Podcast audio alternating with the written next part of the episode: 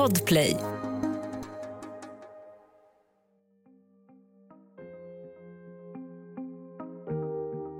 Björn Söderberg upptäcker att det sitter en nazist i en lokal fackstyrelse. Nazisten utesluts, men Söderberg han blir mördad som hämnd. I ett slag hamnar hans fackkollega Jone Källsäter i en bubbla av sorg, chock och massiv medieuppmärksamhet. Men är det okej okay att skapa en martyr av en person som inte hade velat bli det? Det här är Jag var där, en dokumentär som du hör varje onsdag på Podplay. Av Andreas Utterström och Mattias Bergman.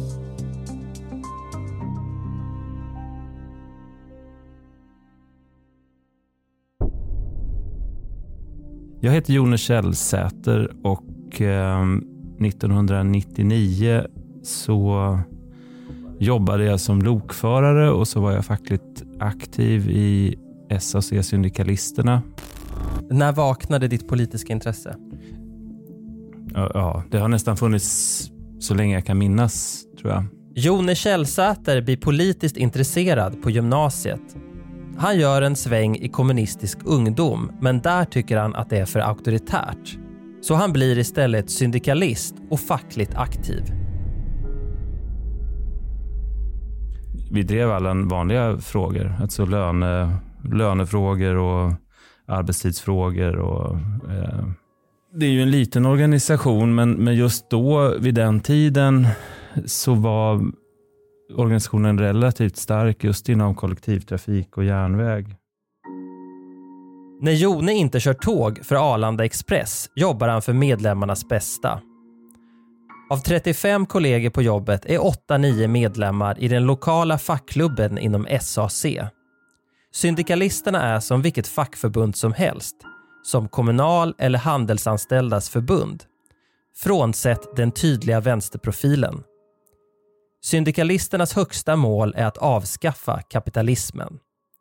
Företagen ska ägas och styras av arbetarna. Det lokala arbetet är viktigare än hård centralstyrning. Och det här passar Jone mycket bra. Och när träffade du Björn Söderberg första gången? Jag hade flyttat upp till Stockholm och var 19 år så skulle jag gå på mitt första månadsmöte som, som eh, SAC hade. Eh, och då var det mötet eh, här i det huset vi sitter just nu, Sveavägen, där SAC har sitt huvudkontor. Och eh, då skulle jag åka upp på det mm, mötet som var högst upp i huset. Och då fick jag dela hiss med en, en äldre herre tyckte jag och det är en liten hiss ska vi säga för ja. den som inte har varit i den här byggnaden. Ja, den är verkligen liten. Man får knappt plats två, men det fick vi plats. Men då åkte vi upp för den här, den här gamla skrangliga hissen upp till högsta våningen och när han insåg att jag skulle kliva av på samma våning som han, då förstod han väl att jag skulle gå på det mötet. Då sträckte han fram handen och sa, hej jag heter Björn och jag gissar att vi ska på samma möte. Och då var jag ju som sagt kanske 20 och jag gissar att Björn då i så fall var 35 ungefär. Han kändes oerhört gammal. I fackligt arbete är mötet en huvudscen. Varje månad ses Jone och Björn Söderberg bland annat i det så kallade LS-mötet. Söderberg har ofta rollen som ordförande eller sekreterare. Alltså han var en väldigt tillbakadragen person. Eh, alltså ingen agitator eller en, en, liksom en en person som gärna klev fram och sådär. Han, han eh, var mer av en organisatör eller någon som liksom vill hålla ordning i en organisation och hjälpa människor med, med olika fackliga bekymmer. Men jag minns en, en, eh, en, en vänlig och stillsam person som står för realism och liksom genomförbarhet och lugn och, och trygghet. Liksom. Väldigt noga med, med liksom formalia, mötesordning och struktur och blev irriterad om, om eh, folk gjorde för liksom lättvindiga plakatpolitiska utspel och sådär. Det, det var inte hans... Eller han tyckte nog att, att man kunde vara större än så och bättre än så. Jone blir Björns professionella vän med lika betoning på bägge orden. De umgås inte hemma hos varandra men ses två, tre gånger i månaden i SAC-sammanhang. Antingen pratade vi om någon, någon facklig fråga eller någon, någon stadgefråga i organisationen eller något sånt där. Eller så var det väl den här typen av helt vanliga samtalsämnen. Liksom. Mm. Ett minne jag har är att vi vid något tillfälle pratade om musik och han pratade om att han gillade Allman Brothers och ja, gammal eh, amerikansk rockmusik. Vad, vad lärde du dig av honom, tyckte du? Han var ju en stor förebild genom sitt sätt att vara en, en väldigt lugn och behärskad person eh, med stor eh, integritet. Hade inga liksom, kraftiga utspel men var, var alltid väldigt påläst och, och liksom kunnig.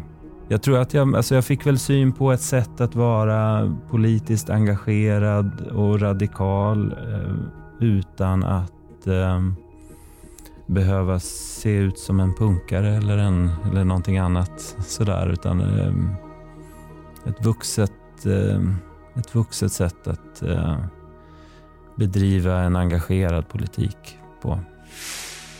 Det är sent 90-tal och det politiska klimatet i Sverige är stormigt. Inte alla gillar ett fackförbund på vänsterkanten. Särskilt inte de som är radikala på den andra flanken. Å ena sidan fanns det en, en väldigt eh, växande och högljudd högerextrem miljö som eh, också blev mer och mer våldsam under de här sista åren på 90-talet. Eh, genom, genom olika, alltså och ganska grova våldsdåd. Eh, så det var den ena sidan. Sen fanns det en, en ganska livkraftig vänster också. En, en eh, alternativ vänster eh, som samlade mycket folk på demonstrationer och kunde mm, mobilisera ganska mycket kring olika frågor. Men tillhörde du som var ute och demonstrerade också i, såna, i antirasistdemonstrationer eh, som dök upp när högerextremister hade fått demonstrationstillstånd och sånt? Det förekom, absolut. Det är nog så när det växer fram en stark eh, högerextrem miljö så växer det generellt fram en ganska stark vänstermiljö också. Ja, tonläget stiger. Det är en tid där både vit maktmusik och våldsvänster blir nya ord för svenskarna. Och 1999 sker några fruktansvärda händelser. I mars mördas två poliser av nynazister utanför Malexander. Och i juni skadas en journalist svårt när en bomb detonerar i hans bil i Nacka utanför Stockholm. Journalisten hade granskat högerextremism. Dåden är chockerande 50 år efter andra världskrigets slut lever våldsideologin vidare. Och genom sina åsikter i syndikalistfacket är Jone en del av kampen mot nazismen. Vilket inte är riskfritt. Vi hade en medvetenhet om att högerextrema krafter höll ögonen eller försökte hålla ögonen på oss och att det skulle kunna vara farligt i någon omfattning tror jag.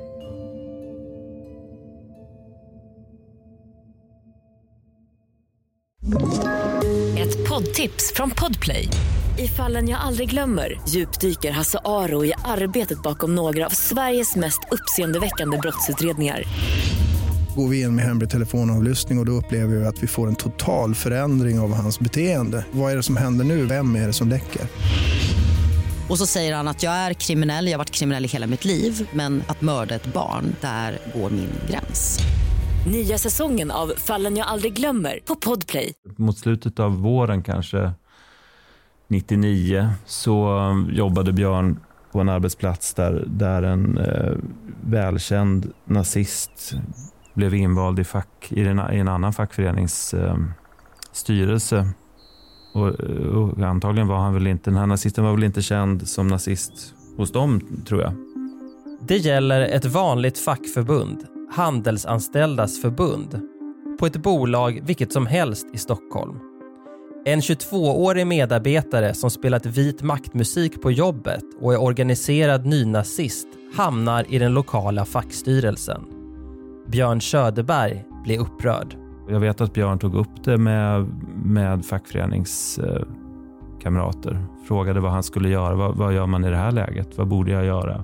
Han försökte väcka frågan med den fackföreningen Eh, och tyckte inte att han fick gehör för det och då gick han till en tidning, tidningen Arbetaren, med det som, en, som ett nyhetstips. Den 16 september publiceras nyheten i syndikalisternas tidning Arbetaren. Den citeras också i andra medier. Och Handelsanställdas förbund agerar snabbt. Den ökände nazisten utesluts och säger så småningom upp sig från jobbet. Björn Söderbergs tips har fått effekter.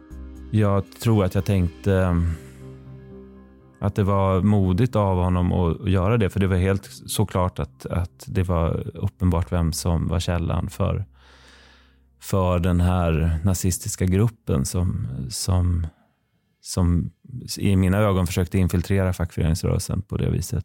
Minns du sista gången du träffade Björn? Ja, det har jag tänkt på många gånger. Nej, jag kan tänka mig att det var kanske i september på, på det här månadsmötet. Men det var ju ingen händelse som liksom på något sätt satte något spår. Det var i så fall business as usual. Det blir den 12 oktober 1999. Hur fick du veta att han hade blivit mördad?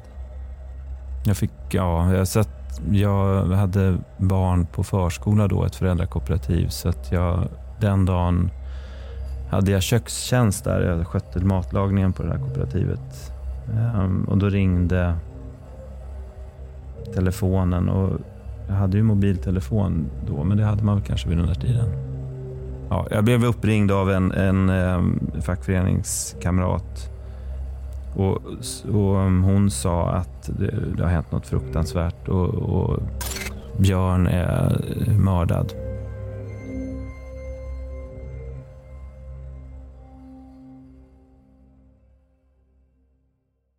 Jone har läst i kvällstidningar om mordet ute i förorten. Men vem som är offret visste han inte. Nu faller bitarna på plats. Det är Björn Söderberg som har blivit skjuten med flera skott i huvudet utanför sin lägenhetsdörr. En 41-årig fackligt engagerad gräsrotsaktivist som eh, blev mördad på grund av eh, att han motsatte sig nazism. Eh, han blev uppsökt och eh, skjuten i trapphuset av, av politiska fiender. Ett politiskt mord där man avrättas för att man står upp emot högerextremism. Det tror ingen ska kunna ske här i Sverige. Våldsideologin skördar ännu ett offer det tunga året 1999. Jone Källsäter lämnar förskolan. Han åker till SACs huvudkontor på Sveavägen till samma plats där han en gång träffade Björn Söderberg första gången. Från vår sida, eller vi, vi samlades i arbetsutskottet och sen så samlades ju även andra olika funktioner som, som finns i organisationen lokalt och, och regionalt för krishantering. För att um, det fanns en jättestor um, rädsla och sorg och oro inom organisationen också och det var kanske den primära uppgiften som jag uppfattade att hantera omedelbart. Ehm, alltså andra medlemmars säkerhet? Ja, ja, säkerhet och oro i alla fall. Ja, om man kan mördas för det som Björn Söderberg gjorde så kan man vara i fara bara genom att vara medlem i syndikaliströrelsen. Det här är en tid då nazistorganisationer systematiskt beställer fram kopior på motståndarnas passfoton från polisen. Vi vet hur du ser ut, vi har koll på dig, är budskapet. Sveriges alla fackligt engagerade, ledarskribenter, politiker, ja alla är i chock. Jone och hans kamrater ser mordet som en attack mot hela vänstern och fackföreningsrörelsen. De har sin åsikt klar. Det får inte liksom leda till det som jag uppfattar att ett sånt här dåd syftar till att skapa terror eller skrämma. Jag menar, det, ja, visserligen så, så släckte de ju Björns liv, men det tror jag inte kan ha varit eh, ett mål i sig, utan målet i sig måste ha varit att, att eh, skrämma folk att ifrån i framtiden att eh, protestera om någonting sånt här händer eller inte våga eh, yttra sig. Någon sorg hinns inte med. Nu gäller det att snabbt bygga en krisorganisation för att ge rädda medlemmar stöd och besvara mediefrågor från hela världen. I det akuta skedet så var det viktigt att få fram att det här var ett, ett um, politiskt mord.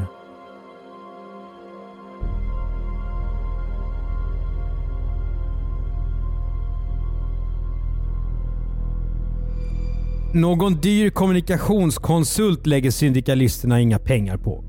Chefredaktören för rörelsens tidning Arbetaren och journalister bland medlemmarna hjälper till med strategi och planering. Man kunde inte jobba, vi hade kanske en hemsida men den liksom jobbade man inte med på det viset så det fanns inga sätt att, sådana sätt att sprida information på snabbt. Kanske nästa dag så kallade vi till en presskonferens här på, i, i, ja, i, ett, i ett väntrum här, eller ett slags kontorsrum som vi hade på, på den här expeditionen. Och jag har någon gång tidigare eller några andra gånger försökt att kalla till presskonferenser i olika frågor eh, och det har kommit någon, ja, någon, i bästa fall en journalist från Arbetaren och kanske någon annan vänstertidning eh, som har kommit av plikt för, fastän vi tycker att vi har haft någon intressant och viktig fråga. Och när vi öppnade de här dörrarna så var det helt, eh, ja, helt otroligt. Alltså. Det var fullsmockat med, med journalister och ja, tv-kameror och fotoblixtar. Sånt som man ser på, på tv, höll jag på att säga. Men, men det, var, det, det, visade ju att det var en oerhörd händelse. Att den var, att den var, ja, den var så oerhörd som den är. För att det är verkligen inte vanligt i Sverige, eller det händer nästan aldrig, att, ehm, att ett, ett, ett sånt här liksom politiskt attentat görs. Och här ser man då en, en ung Mm. Jone Källsäter sitter där tillsammans med Ylva ja. Åkerman och Anna Han. Peltonen. Ja. Vad, vad far genom ditt huvud här? Du ser sammanbiten och koncentrerad ut här på bilden. Ja, nej, har, du, har du sovit någonting? Nej, det har jag nog inte. Inte på ett drygt dygn tror jag.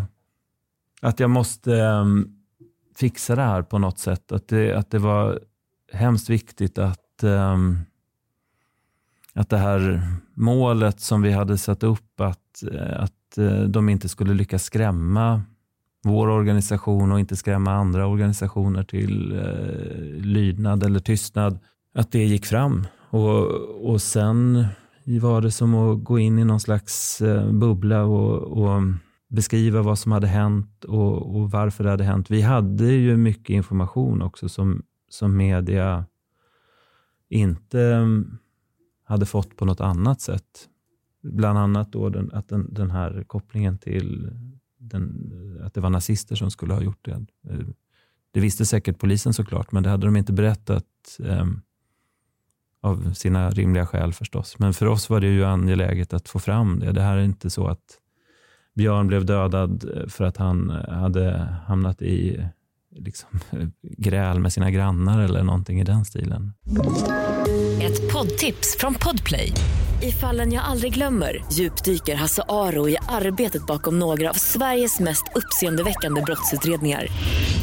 Går vi in med hemlig telefonavlyssning och, och då upplever vi att vi får en total förändring av hans beteende. Vad är det som händer nu? Vem är det som läcker? Och så säger han att jag är kriminell, jag har varit kriminell i hela mitt liv men att mörda ett barn, där går min gräns. Nya säsongen av Fallen jag aldrig glömmer på Podplay.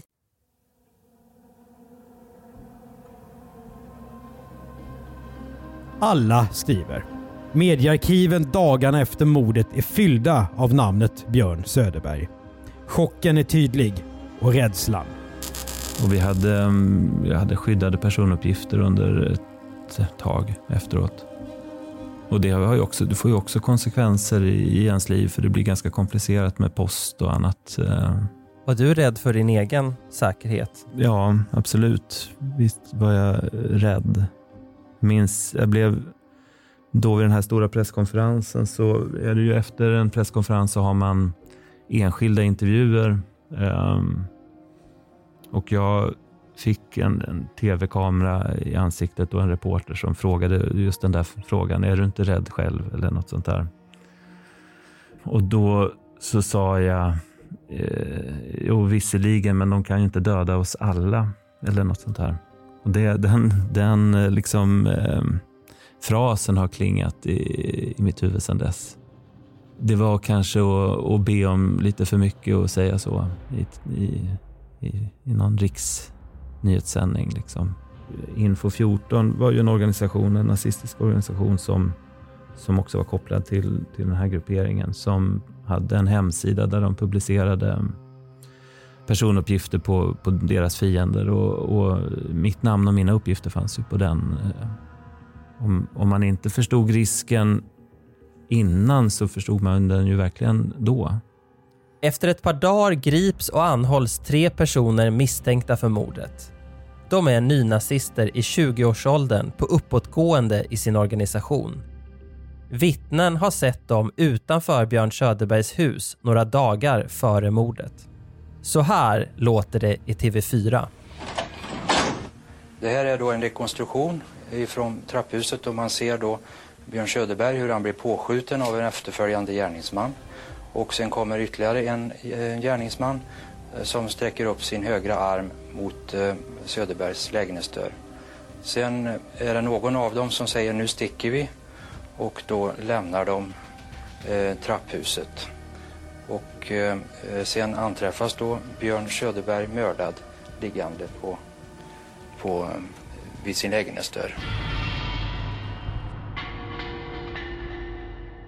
Samtidigt övergår personen Björn Söderberg till att bli något annat. Ett ikoniskt namn som förknippas med något viktigt och behjärtansvärt. Känd för många fler än de som kände honom. Från att ha varit en anonym levande fackföreningsman blir han en död martyr vars foto syns överallt. Ja, det var en, det var en bra bild på honom och den, den kablade ju vi ut och den blev ju väldigt populär i, i media eh, eftersom det blev en person då som eh, eller man kunde liksom fånga det dramat på något sätt. Eh, och sen i efterhand har jag har jag, eh, verkligen grubblat på det. Vad, vad, om det var rätt och vad, hur det nu blev så, så bidrog ju vi genom det här till att göra Björn till en symbol för någonting. Ja, är det här rätt? Än idag är Jone Källsäter tveksam när han tänker på vad Björn Söderberg har blivit och vad han själv hade tyckt om det. Ja, han ville ju inte, eller han hade ju inte velat vara en symbol. Och jag bidrog väldigt mycket till det själv genom att liksom driva det då. Det är att sätta sig på väldigt höga hästar och göra så. Men, eh, och att det rimmar ganska illa mot den bilden jag har av, av vem Björn var. Um, och det är ambivalent för att jag, jag har också tyckt hela tiden att händelsen är oerhörd och viktig för hela samhället. Um, och, eh, så den får inte heller glömmas bort. Syndikalisterna är en liten och tydligt politisk fackförening. Men nu får den massivt stöd från alla håll. Oavsett vad alla rubriker kan förleda en att tro. De som är för demokrati är fler och starkare än de som är emot. En vecka efter mordet sker en manifestation utifrån de lokala syndikalistföreningarna. I Gävle sprängs en bomb vid lokalen men den lyckas inte skrämma som det var tänkt. När Jones sluter upp i Stockholm ser han att ledarna för alla riksdagspartier från höger till vänster är på plats. Och um, I Stockholm kom det 20 000 deltagare och i, enligt de eh, rapporterna vi fick in så var det lika många då sammanlagt i de andra på de andra hållen i Gävle tror jag det var 2-3 tusen som demonstrerade och det är ju jättemycket. Jag tror att Socialdemokraterna inte har så många på sitt första majtåg. Eh, så att, så att jag tror att även den bomben då, för det var ju såklart en stor nyhet i Gävle, men, och den tror jag snarare fick ytterligare fler att gå ut på gatan den dagen. Mediacirkusen lägger sig. Björn Söderberg begravs och så blir det rättegång mot de tre misstänkta. Joni Källsäter är på plats i rättssalen varje dag.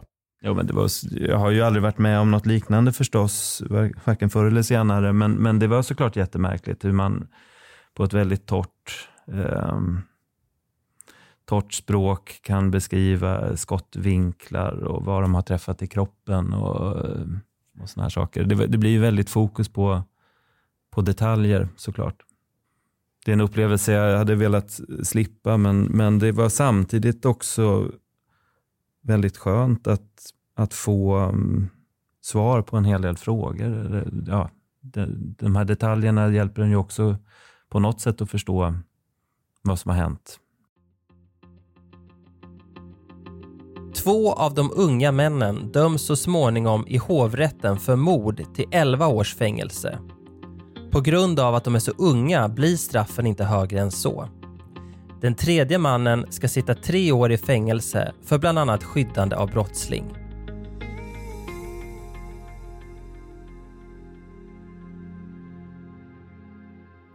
Och så blir 1999 år 2000 och Jone Källsäter kan samla sig och gå vidare. Precis ett år senare SAC instiftade eh, något som kallas, eller som man kallar civilkuragets dag och delar ut ett pris till Björns minne varje år eh, runt den 12 oktober. Och då eh, var det prisutdelning eh, för det här priset. Det första priset som, som skulle delas ut då på årsdagen. Och det kanske var någon slags eh, bokslut eller någonting. Då, då, um, det var väl ett tillfälle att känna känslor tror jag. Civilkuragepriset i Björn Söderbergs minne delas ut till personer som till exempel agerat mot missförhållanden på sin arbetsplats. 10 000 kronor årligen på Söderbergs dödsdag. Men bidrar också det här till bilden av Söderberg som symbol? Den som Jone Källsäter är så kluven till. Nej, men sen har det väl med åren på något sätt blivit blivit liksom såklart mer och mer tydligt för varje år som går att Björn är liksom bara en symbol. Ungefär som Che Guevara eller någonting, fast på en annan, i en annan skala. Men det är liksom ett namn eller man kan, man kan träffa unga personer som talar om, om eh, Björn si och så. Och så tänker du, du var inte ens född. Men, men, men det, är, det, är ju, det är väl okej okay också förstås. Men, men det blir, det blir en, liksom en krock i, i huvudet på något sätt också. Minnesdagarna blir många. De första åren deltar Jone nästan alltid. Ibland är han medarrangör, ibland talar han. Tio år efter mordet skriver han minnesord i tidningen Arbetaren under rubriken “Sådan var min vän och kamrat”. Jag tror dessvärre att Björns principfasthet kom att bidra till hans fruktansvärda öde. Han var medveten om att det kunde vara farligt att höja rösten. Så småningom blir Jone Källsäter chef på sitt jobb. Då kan han inte vara med i Syndikalisterna längre. När tänker du på Björn idag? Ofta. Um, nu är jag ju inte längre engagerad i den här organisationen så att um, men med det jobb jag har idag så leder jag möten i princip hela dagarna. Absolut kommer Björn eh, till mig rätt mycket i de sammanhangen. Slarvat med protokollet eller hur, hur upprättar man en riktig talarordning så att det, ja, och, liksom möteshyfs och, och, eh, men även strategi. Hur, hur pratar man så att, så att ett möte, en stor grupp, 20, 30, 40 personer lyssnar på en och sådär. Då kan jag lätt se Björn sitta i, i ett hörn av bordet och, och liksom se missnöjd ut om jag inte gör på rätt sätt eller ja, fuskar på något sätt. Ikon eller inte. Som levande var Björn Söderberg en kraft i Syndikalistförbundet. En kraft som försvann alldeles för tidigt. Jag tycker att det är märkligt att eh, han bara, han stannade vid 41 år och blev aldrig äldre än så. Och jag menar, nu är jag ju äldre än så. Ehm, ja, men som det blir när någon rycks bort mitt i, i livet så, så kan man ju också fundera på vad hade, vad hade han gjort som 60 plus? Vilken, vilken karaktär hade han varit? Och, och sådär. Nu, um, nu är det liksom oskrivet på något sätt.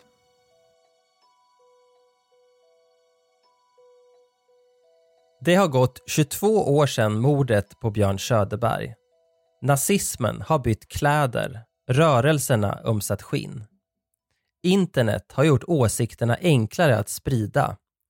Rubrikerna handlar om hårdbevakade demonstrationer och rättegångar för hets mot folkgrupp. Nu som då. Så länge kampen mellan extremhöger och demokrater finns kvar tjänar symbolen Björn Söderberg ett syfte. Även om Jone Källsäter fortfarande är kluven. Du var ju tveksam till att ställa upp på den här intervjun. Mm. Kan du berätta varför? Ja, nej men det handlar om den här ambivalensen. Det handlar också om ehm, nu vet inte jag om, om, om eller jag, jag känner inte Björns nära anhöriga. Det måste vara fruktansvärt att den här, det här hemska och för familjen helt, om, om det är oerhört för mig så vad är det för dem? Liksom, att det dras upp ja, varje år eller gång på gång på det här viset. Jag vet fortfarande inte om det är en bra idé faktiskt. Nej. Men vad var det som gjorde att du sa ja då till slut? Ja. Nej men det är ju det är väl samma tema då fortfarande då. Att det, är en, det är en viktig allvarlig händelse. Jag tänker att det finns saker att lära sig av ehm, att det var viktigt att inte bli tystade, att, att stå upp.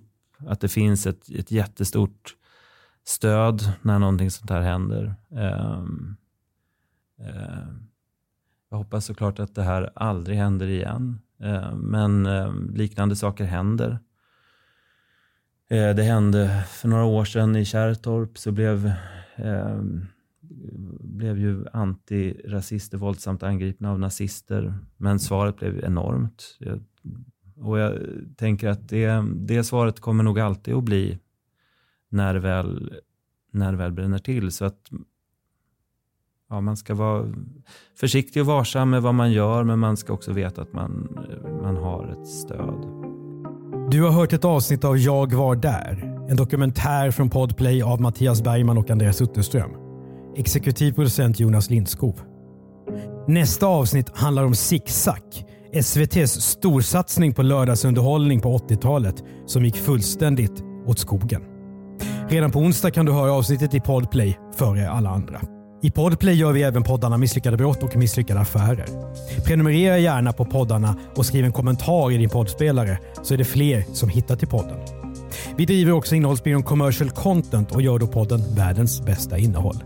Tipsa oss gärna om händelser som vi kan berätta om här till jagvardar.bplus.se.